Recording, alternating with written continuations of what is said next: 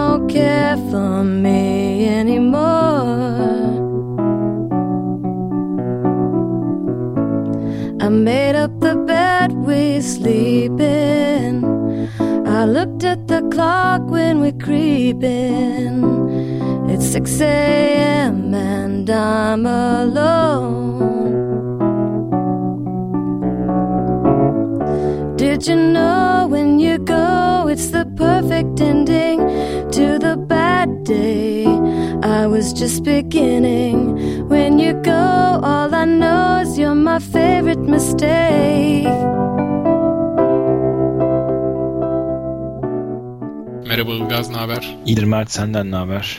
Benden de iyilik. Yarış iyice yaklaştı, onu bekliyoruz. Var mı heyecan? Hmm, yani tabii yok demek e, yanlış olur. Her zaman her yarıştan önce biraz heyecan oluyor. Ee, özellikle de böyle bir hedefin varsa böyle bir ne bileyim en iyi dereceni geliştirmek gibi bir hedef belirlemişsen bütün detayları düşünmeye çalışıyorsun. O yüzden biraz heyecan var. Bu pazar günü Antalya'da olacağız. Evet aslında duyuruda yapabiliriz değil mi? Cumartesi günü herhalde kale içindeki Starbucks'ta Daily Mile'ci arkadaşlarla da bir araya geliyor olacağız. Evet geçen bölümde de söz ettik ama hani tam net bir durum yok ama yani büyük ihtimalle olacak böyle bir şey. Evet zaten ufak herkes aynı yerlere gidiyor. Kayıttır, oteldir, Evet. cam piramittir bir şekilde rastlaşırız diye düşünüyorum. Evet. Bu hafta veya yaklaşan tarihlerde bir haber var mı? Var birkaç güzel haber var. Ee, film festivali ile ilgili güzel şeyler var anlatacak. İznik Ultramaratonu ile ilgili güzel haberler var. Aa evet aslında o güzel bir haber. Ona değinelim ya. Evet. Çok yeni değil aslında. Geçen hafta kaçırdık biz bunu da. Tam çünkü o güne denk gelmişti kayıt gününe. Ee, İznik Ultramaratonu resmi olarak UTMB yarışı için 3 puan verme hakkını kazandı. Yani parkur, içerik, eğim ve mesafe formülünden başarıyla geçerek kendini de ispat ederek UTMB'ye akredite oldu. Yani 126 kilometrelik parkuru bitirenler 3 puan, e, yarım göl koşusunu bitirenler de 2 puan alabilecekler Evet, UTMB için. Daha önceki bölümlerde mu- muhakkak değinmişizdir. Onları dinleyenler için tekrar olacak ama sadece bu bölüm dinleyenler için hatırlatalım. UTMB Avrupa'da büyük bir ultramaraton, dağ ultramaratonu ve o yarışa katılmak için puan toplaman gerekiyor. Bu puanlar da yarışa akredite olmuş diğer yarışlardan toplanabiliyor. İznik Ultra'da onlardan birisi oldu. Evet. 1 Evet. ve, 1 ve 3 puan verebilen iki parkura sahip. Bu çok güzel bir şey çünkü e, artık ülke dışına çıkmak zorunda kalmadan puanlar toplayabileceğiz. İznik Ultra var, Çekmeköy var, Likya var.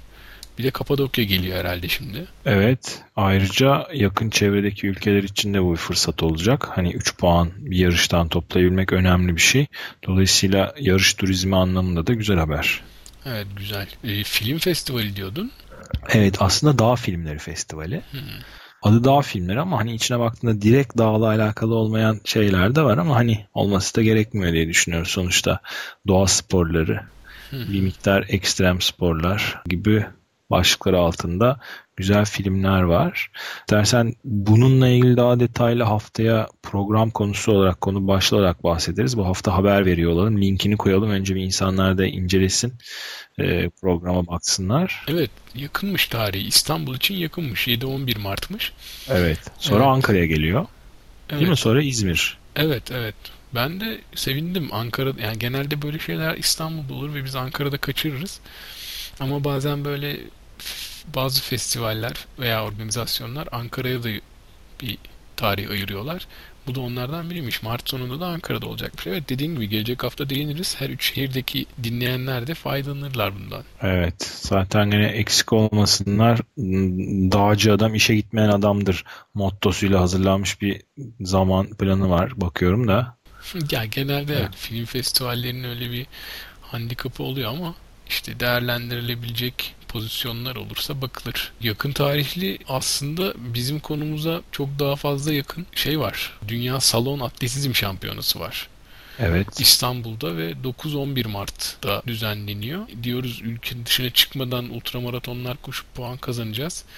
Ee, ülke dışına çıkmadan da böyle çok elit atletleri salonda izleme fırsatı bulacağımız bir organizasyon bu da. Evet. Onun da programına bakıyorum bir taraftan. Bayağı güzel yoğun bir program var. Onda linkini koyarız. Yani bunu biz kaçırıyoruz işte Ankaralılar olarak ama sizin için şey Ataköy'de galiba yapılıyor değil mi? Evet, evet, evet. Hatta enteresan bir bilgi bu sayfada yazmıyor ama ben geçen tesadüfen bir işle alakalı fuar merkezine e, bir ölçü almaya gittiğimde oradaki fuar merkezi yetkilileri anlattılar. Hemen fuar alanının e, yanındaki otelde kalıyormuş atletler ve bir şekilde fuar merkeziyle anlaşma imzalamışlar. Bütün o fuar merkezinin e, bahçesinde, otoparklarında veya yan, yan yan yollarında antrenman yapıyormuş atletler. Vay be. Şampiyona başlayana kadar evet. Ya ben girdim geçenlerde sitede böyle hani yarışların e, başlangıç listelerini falan aradım. Ben IAAF'nin sitesinden baktım pek bulamadım ama bildiğim kadarıyla yani duyduğum böyle hani e, dünyaca bilinen popüler atletler içinde bir Yelena Isimbayeva'yı duydum. Sırıkla atlayan öyle dünya rekorları kıran kız.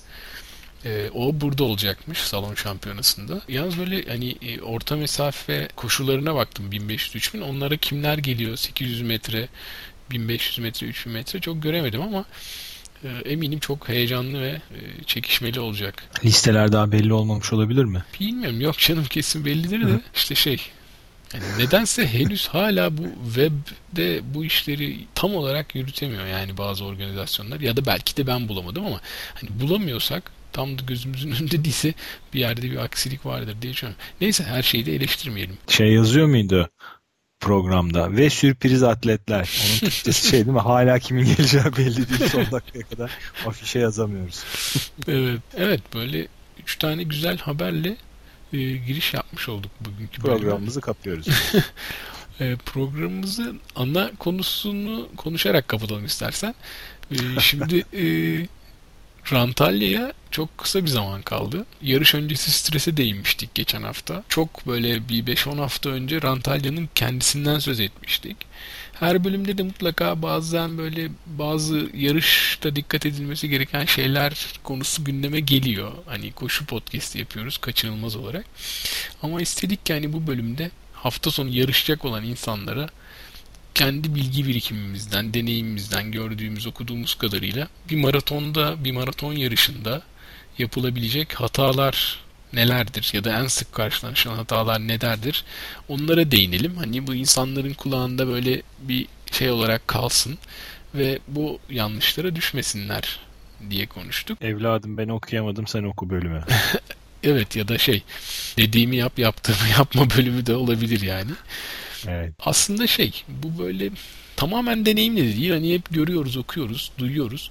Çok insanın başına geliyor. Zaten bu hani şablonlaşmış bazı hatalar var. Onun nedeni de çok fazla insanın bunu yaşıyor olması e, duyuldukça bunlar böyle liste haline geliyor. Böyle orada burada maratonda yapılan en büyük 5 hata ya da maratonda yapmamanız gereken 11 şey gibi listelere dönüşebiliyor. Ama aslında şey kıymetli hani ne kadar böyle konuşsam da çok kıymetli bir liste olduğunu düşünüyorum. Biz de böyle bundan bahsedelim istedik. Tamam. Kaç maddemiz var? 7 başlığımız var galiba. Evet en azından e, bu 7 konunun üstünde duralım istedik. Bunun en başında hani belki de bu podcast'te bile sadece bu podcast'te bile 10 defa söylediğimiz bir şey var. Ama bu gerçekten önemli bir şey. O da şu hiçbir şeyi yarışta ilk defa yapma. Yani bu her şey için geçerli. Yarış günü hiçbir şey senin için yeni ve ilk olmasın. Yani bunu yapmak zorunda kaldığın durumlar olabilir ama zorunda değilsen bundan muhakkak sakınmalısın. Böyle deyince senin aklına neler geliyor ilk yapabileceğin? Mesela ilk defa maraton koşuyorsan koşma 41'de bırak. Benim aklıma ilk ne geliyor? Ee, direkt yani ilk söylediğinde aklıma gelen donanımla ilgili şeyler. Yani hani ilk defa yeni bir ayakkabı giyme. Ne bileyim ilk defa bir üst baş giyme. Veya hiç jel kullanmamışsan, hiç o lezzette veya o markada bir jel veya hiç jel kullanmamışsan kalkıp yarışta jel kullanma. Hemen benim aklıma bunlar geliyor. Evet ve yani yarıştan önceki sabah kahvaltısında kaldığın otelde böyle çok böyle hoşuna giden bir şey gördün. Ya şunu tatsam mı çok güzel görünüyor deme mesela yani. Hani, bu, bu, bu yapılabilen bir şey. Çünkü böyle hani genelde yarışlara uzak yerlere gidip otellerde kalıyoruz. Hani evinden çıkıp gidebildiğin yarış sayısı çok az olduğu için. Ben mesela bunun çok sıkıntısını çekiyorum. Hani keyif veya lezzet veya çekicilik anlamında olmasa bile e, diyelim mesela biliyorsun Berlin'e gittik, Hollanda'ya gittik yarışlar için. E, gittiğin yerde böyle çok değişik bir kahvaltı kültürü olabiliyor.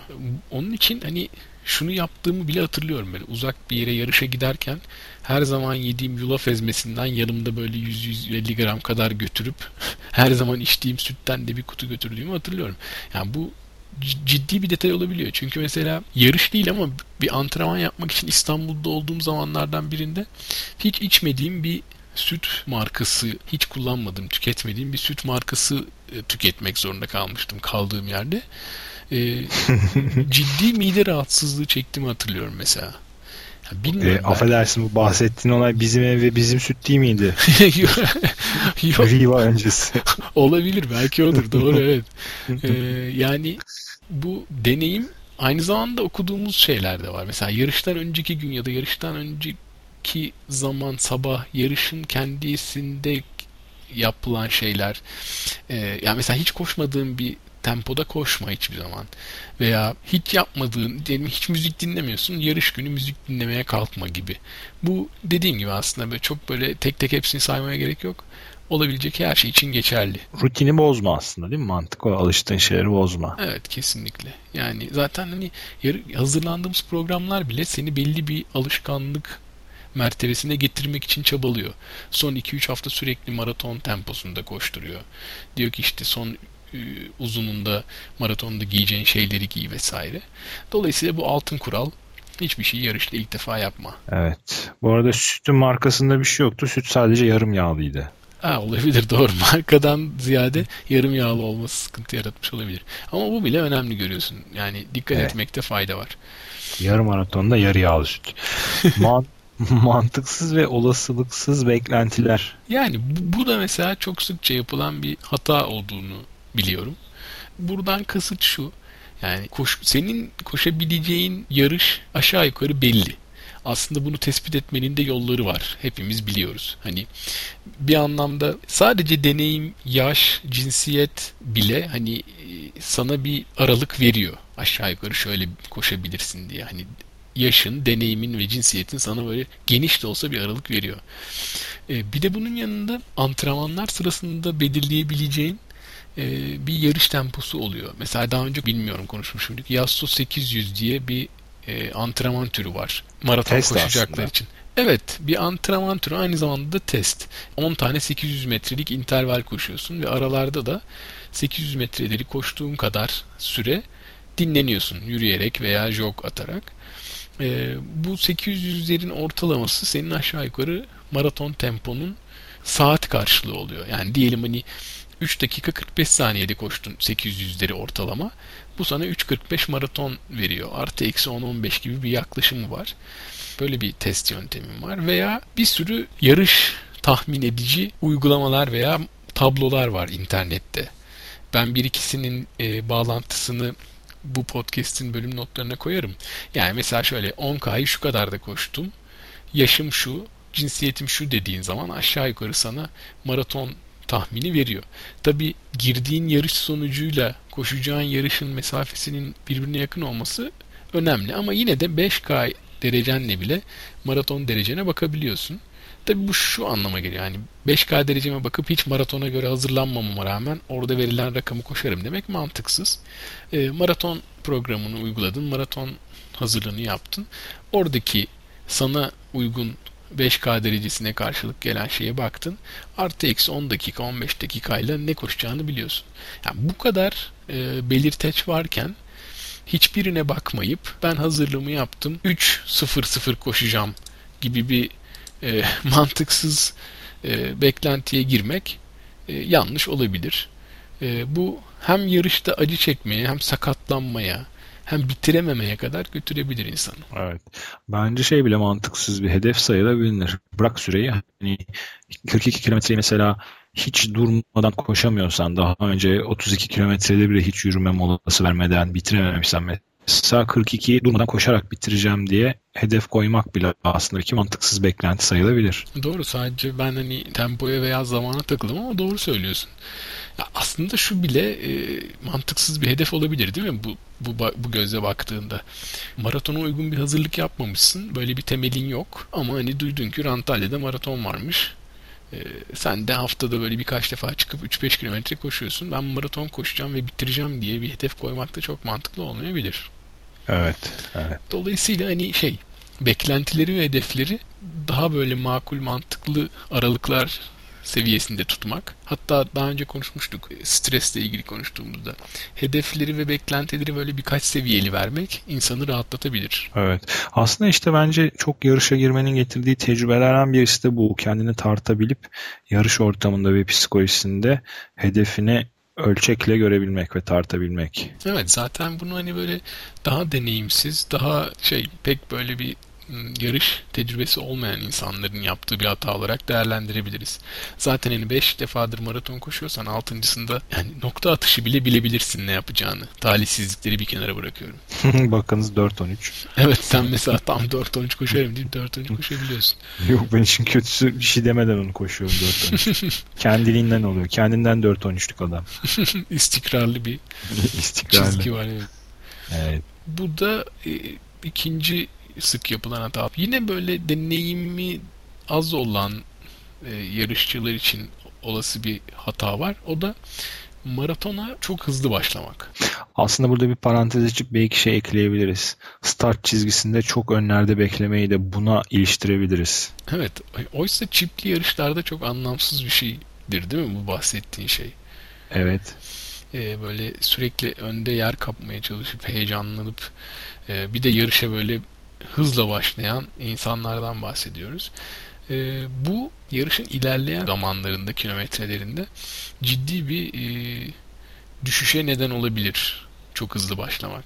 Bunun nedeni de şu aslında. Isınmadan vücut o tempoya hazır hale gelmeden aşırı yüklendiğinde özellikle bu genelde böyle 1-2 kilometrede yapılan bir hata. ilk 1-2 kilometrede çok fazla bir e, oksijen açığı doğuyor vücutta.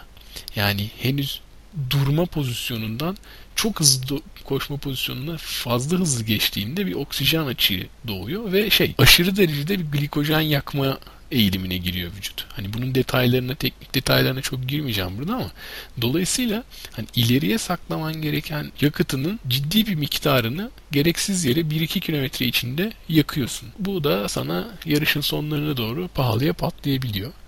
Aslında bu yanlışa düşmenin nedenlerinden bir tanesi de şu hani deneyimsizlik vesaire diyoruz ama bir de şöyle bir şey var. Kalabalık bir yarışta koşuyorsan etrafında insanlar var ve hepsi koşuyorlar hızla. Sen tam olarak algılayamıyorsun hangi hızda nasıl koştuğunu.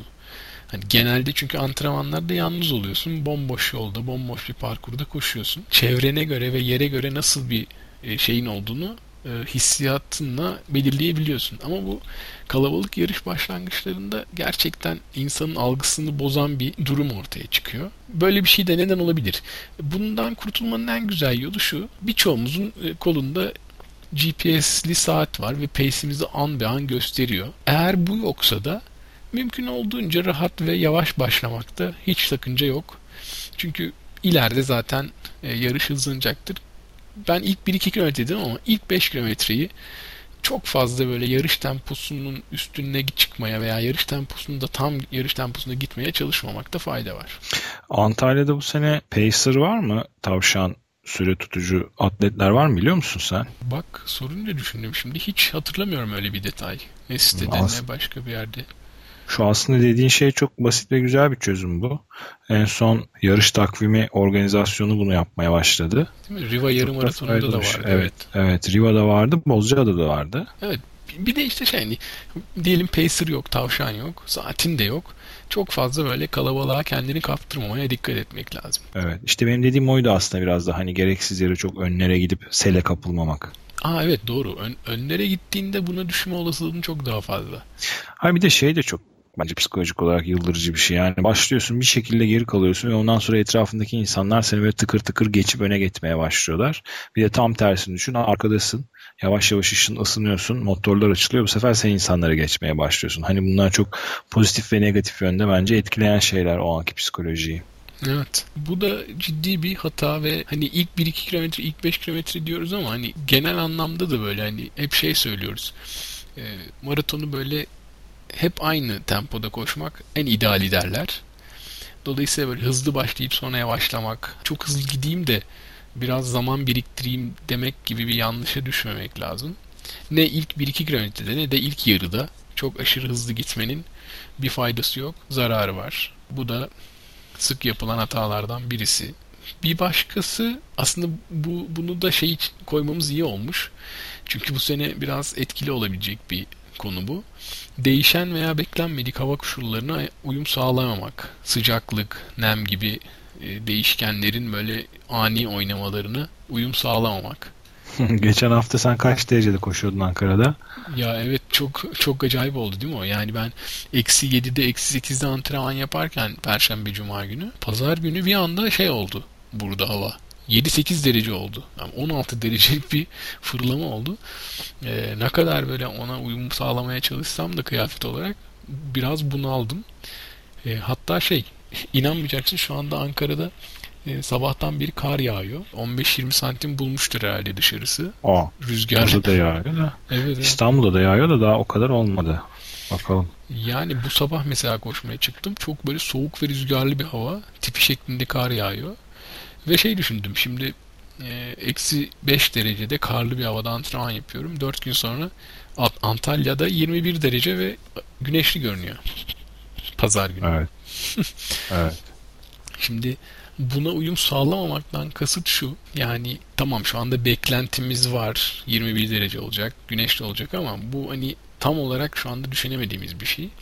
E, hedeflerimiz varsa belli bir tempo hedefimiz veya başka bir şey buna e, bir miktar uyumlandırmalıyız belki de bu hedefleri hava koşullarına göre. Gittiğimizde mesela nem fazla olursa, beklendi, beklediğimizden daha fazla olursa bizi bunaltacak. Dolayısıyla ona göre hedefleri ve beklentileri oynatmakta fayda var. Aslında kastedilen burada bu. Evet. Bir de orada belki şey düşünmek lazım. Hani Bozcaada'da herkes ondan çok yakınıyordu. Çünkü sonuçta Bozcaada çok inişli çıkışlı bir parkurdu. Rüzgarlı bir parkurdu. Bir de çok sıcak bir zamanda koşuldu. Ee, herkes hatırlıyor musun? Bitirdiğinde bayağı yakınıyordu. Ah işte şöyle oldu. Çok sıcakta koşamadım edemedim diye.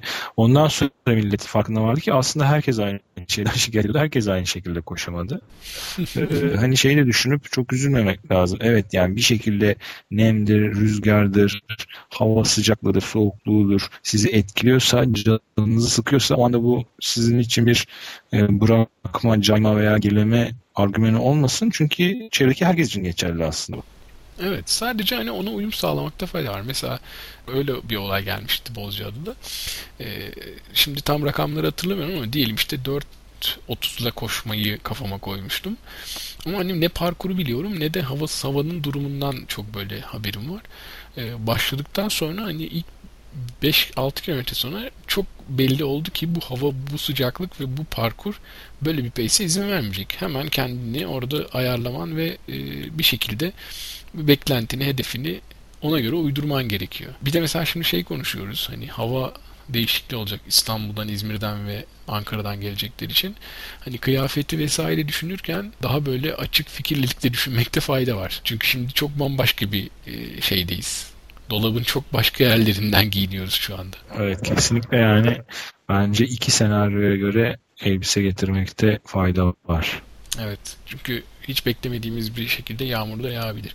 Burada kastettiğimiz işte evet. aslında bu. Yani hani yarış sabahı veya yarış sırasında bile giderken yarısına geldiğinde bile e, değişecek hava koşullarına bir şekilde her şeyi adapte etmekte fayda var. Yani bu yapılan bir hata. Evet. Benim hedefim buydu deyip bunun üzerine gidersen ciddi sıkıntılar yaşayabilirsin. Bu sıcaklık ve nem çünkü insanı böyle e, sağlık açısından da çok kötü durumlara düşürebilecek etkenler. Aslında bu evet. Bozcaada'dan sonra Riva'da da oldu bu sene hatırlarsan. İnanılmaz bunaltıcıydı. Ama ben Bozcaada kadar kırıcı olduğunu düşünmüyorum Riva'nın genelde de. Yani şu, şu anlamda söylüyorum mesela e, Riva biraz daha böyle beklenmedik bir şeydi benim için. Çünkü Kasım mıydı, Ekim miydi? Yok Kasım değil. Ha Ekim'in başıydı Tamam. galiba. Böyle Ekim başı olması lazım. Hı hı. Ekim'in başıydı. Ben böyle hani sonbahar olacak. Hava çok e, sıcak olmaz umuduyla gelmiştim. Üstünde bir şey olmadan tek şortla koştuğun ve bunaldığın bir yarıştı. Evet sende de kompresyon çorabı vardı değil mi? Of ya bunaltmıştı. Ciddi bunaltmıştı yani. İşte aslında belki o bak ilk madde örnek olabilir yani. Daha önce denemediğim bir şey yarışta deneme yani. Hani öyle sıcak havada o kadar uzun süre çoraplı. Çünkü çok yeni geldiydi onlar sana diye hatırlıyorum değil mi? Hani çok da kullanma şansın olmuştu. Evet yani bir yarışta daha kullanmıştım galiba bir 10K yarışında ama hani dediğin gibi öyle bir havada öyle bir mesafede denememiştim. Evet o da benim yaptığım hatalardan birisi ve ciddi rahatsız etmişti beni. Evet. Yarışta yeterince beslenmemek, sıvı almamak. Beslenmekle kasıt da aslında biraz onu açalım. Karbonhidrat desteğinden bahsediyoruz aslında. Yarış sırasında karbonhidrat desteğinden bahsediyoruz beslenme derken. Evet. Ve ilk akla gelen de jeller oluyor veya ona benzer e, karbonhidrat sakızları, tabletleri vesaire oluyor. Şöyle bir durum var. Her saat için e, 40 ila 60 gram kadar karbonhidrat tüketmek öneriliyor. Yarış yani yüksek performanslı egzersizler sırasında. Bu da şu anlama geliyor.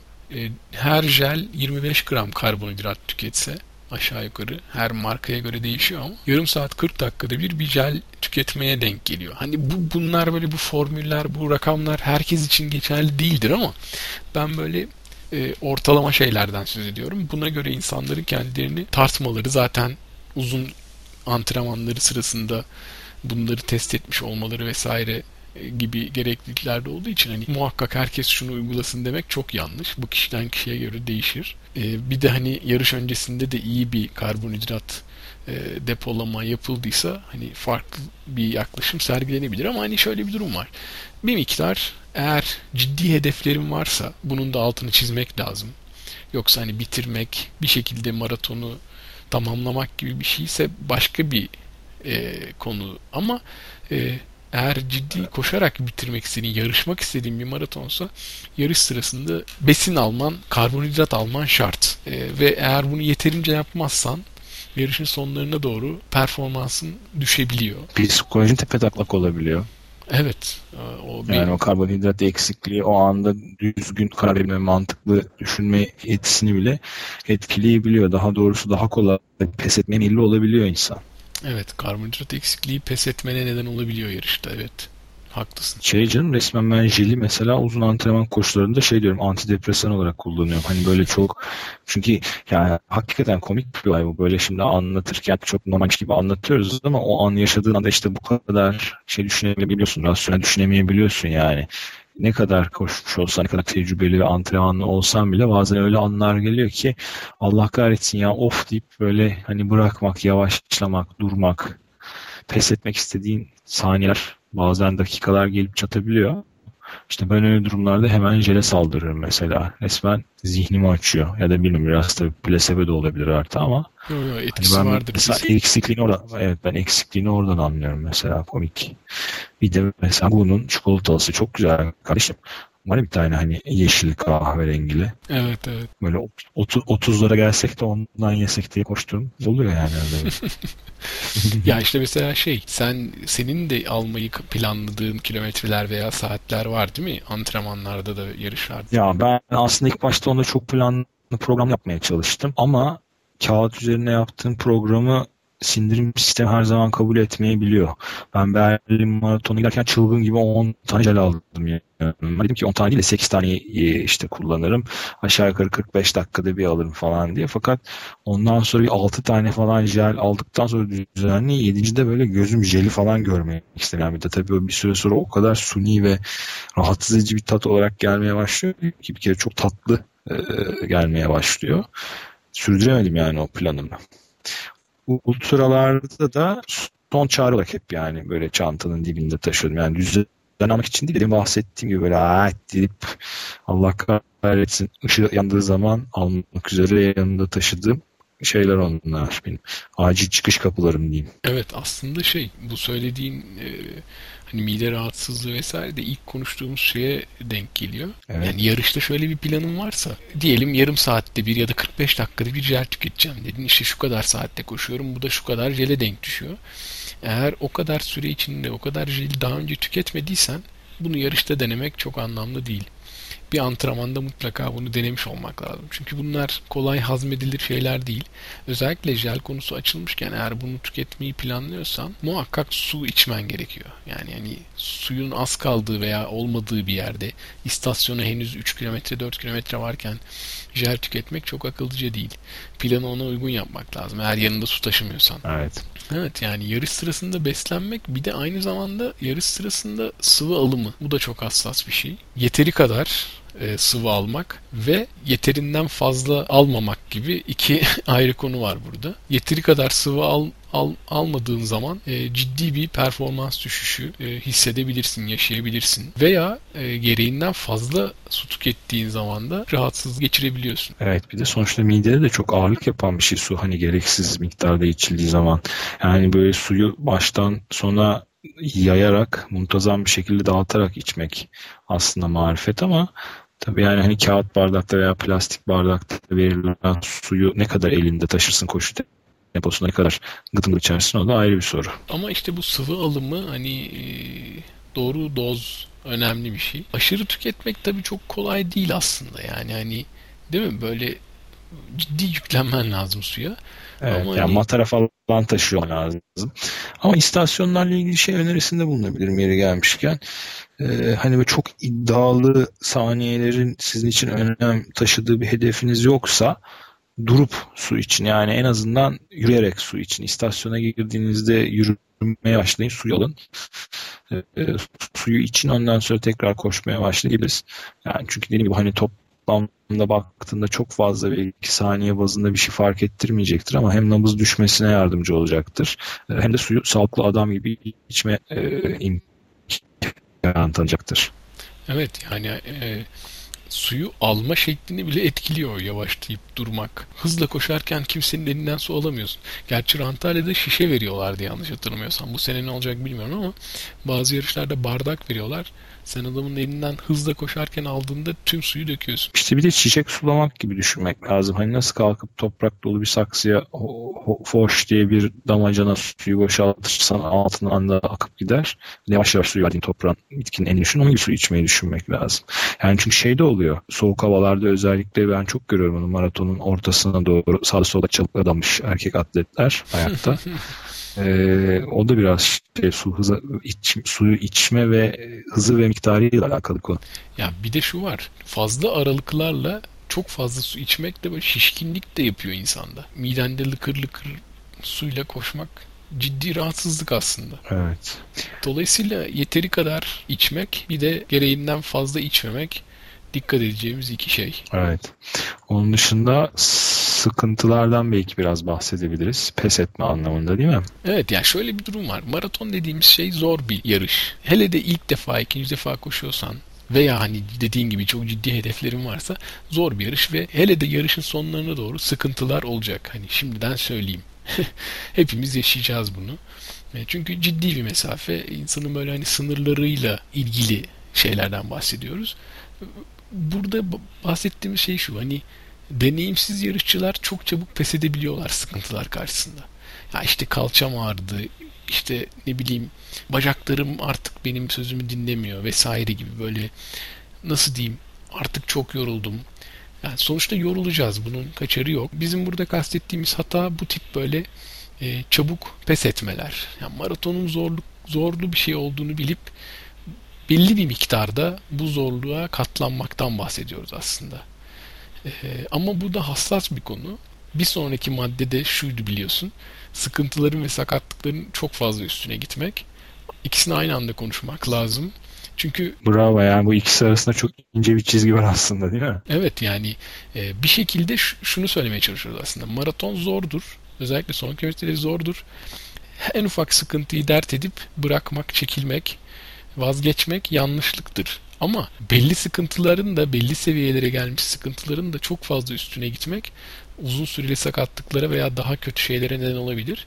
Bunu böyle iyi tartmak, iyi üstüne gitmek lazım. Dolayısıyla şey bu iki yanlışı aynı anda konuşmakta fayda var. Aslında sert bir örnek olacak peki hani aptallıkla cesaret arasında çok ince bir çizgi vardır derler. Hani bunda da öyle demek lazım bence. Hani yani aptallık olarak nitelendirmeyeyim de böyle bir daire olarak düşünmek lazım bunu tam tur dönen. Tam o ara noktasını iyi bulmak lazım. Yani e, evet çok kolay boyun eğip eğmeyip pes etmemek lazım ama o pes edilmesi gereken noktayı da e, iyi görüp o noktayı çok da aşmamak lazım. Evet yani şu söylenir maratonun böyle son kilometrelerinde artık efor %100'lere ulaşıyor. Ve o sırada ciddi böyle e, sıkıntılarla baş başa kalıyorsun. Yani bir de yani tek başınasın. Yorgunluk, artık belki acıkmaya başladın. E, ne bileyim belki böyle hani e, uzun süredir koşuyor olmaktan dolayı eklemlerinde bazı ağrılar var. Ama bu normal. Bu, bu olası şeyler bunlar. Kastettiğimiz dayanılmak e, noktasında kastettiğim şeyler bunlar. Dayanmamak gerektiğinden söz etmek gerekirse o da şu. Yani artık böyle e, dizin çok ağrıyor ve artık adım atamıyorsun. Her adım sana eziyet gibi geliyor. E onun da üstüne gitmemen lazım. Veya hani her yerine kramplar giriyor. Az su tüketmişsin, az elektrolit tüketmişsin ve şey her yerine kramplar giriyor. Artık onun üstüne gitmek başka sakatlıklara yol açabilir. Dolayısıyla hani bu dediğin gibi e, o ince çizgi çok önemli. Aslında çok ince çizgi deyince de böyle hani fark edemezsem filan gibi bir şüphe de olabilir. Hayır fark edilebiliyor yani neyin üstüne gideceğini neyin gitmeyeceğini insan bilebiliyor. Özellikle böyle çok böyle zihinsel olarak kendini bırakmamak lazım maratonda. O neden oluyor aslında bu dayanma gücünden vazgeçmene veya hani tam tersine üstüne gitmeyeceğin şeylerin üstüne gitmesine zihinsel olarak böyle sağlıklı kalmaya çalışmak. Sürekli böyle ben genelde şey yaparım böyle bir iki cümle tutarım kafamda onları tekrarlarım. Tamam artık bitiyor bak 3 aydır çalışıyorsun bırakmaman lazım filan gibi kendi kendime motivasyon sağlamaya çalışırım. Onu yaparak bu sıkıntıların üstüne gitmekte fayda var. Evet. Ben mesela sıkıntı çekmeye başladığım zaman hep şöyle bir oyun oynuyorum kendi kendime. Antrenmanda bile bunu yapıyorum. Mesela o anda diyorum ki artık tamam birazcık yürüme vakti geldi. Ee, sonra düşünüyorum muhtemelen daha gelmemiştir ama ben geldiğini düşünüyorumdur herhalde deyip şunu yapıyorum. Diyorum ki mesela şu ilerideki üçüncü ağaca kadar koşayım tamam orada şimdi diyorum. Üçüncü ağaca kadar koştuğumda diyorum ki tamam şu iki ağaç daha ileri gideyim orada bırakayım. Böyle böyle bir bakıyorum mesela o buhran anını atlatmışım ve bir anda tekrar e, rayına oturmuş işler. Otomatik pilotta devam ederken buluyorum kendimi yola. Evet, güzel. Hani böyle hedef hedef küçültmek ve çok küçük hedefleri ertelemek daha da kolay çünkü ötelemek. Hani öyle öyle minik minik hedefleri öteleyerek e, kendi kendini kandırmak iyi anlamda da belki bir çözüm olabilir. Evet. Maratonda yapılabilecek 6-7 tane önemli ve sık rastlanan hatadan söz ettik. İyi de oldu. E, çünkü 4-5 gün sonra Türkiye'de e, birçok koşucunun katılacağı bir maraton ve yarım maraton yarışı var. Bu konuştuklarımız ilk defa yarım maraton koşacak olan insanlar için de bir miktar geçerli. Hani tamamen hepsi olmasa da. O yüzden hani pazar günü herkese bu yanlışlardan uzak iyi bir yarış diliyorum ben. Evet. Bu sefer iyi antrenmanlar değil, iyi yarışlar dilerim herkese değil mi? Evet, iyi yarışlar, iyi şanslar. İyi Antalyalar. did you see me walking by?